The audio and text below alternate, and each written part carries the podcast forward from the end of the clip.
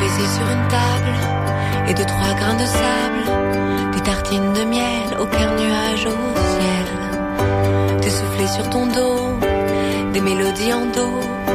Nosaltres marxem amb aquesta cançó Kiss de Melaine Laurent, una jove francesa que és cantant, escriptora, directora i actriu de cinema i fins i tot va guanyar el Premi César a la millor actriu ara fa 5 anys. Volem dedicar el programa d'avui a tots els que no us agrada el futbol i que ens heu hagut d'aguantar fins avui. Xavi, necessites premis?